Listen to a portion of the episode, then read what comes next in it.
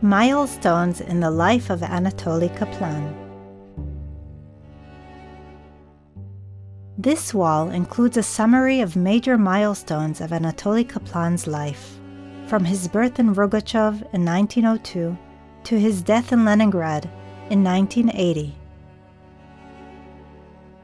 It is here that we should mention that even with the exhibition's three floors, we have only shown you a portion of Anatoly Kaplan's prolific creative career.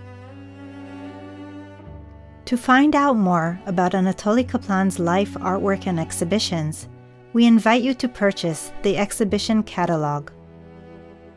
The limited edition full color catalog was prepared especially for this exhibition and includes almost 400 pages filled with reproductions, articles, and a wealth of insights. It is also a wonderful present for family and friends. You can acquire a copy at the lobby at the main entrance on the ground floor. And we end our tour with the word of thanks to you for the time that you've devoted to Anatoly Kaplan, to Shalom Aleichem, and to the rich Jewish cultural heritage immortalized in their works.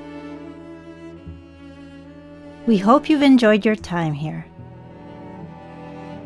If you can, please leave us a short message with your thoughts either in our guest book near the lobby on the ground floor or on our website, Facebook, or other social media pages.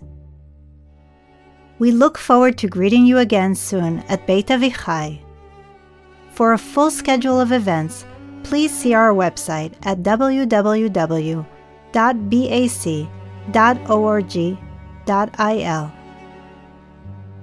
Shalom.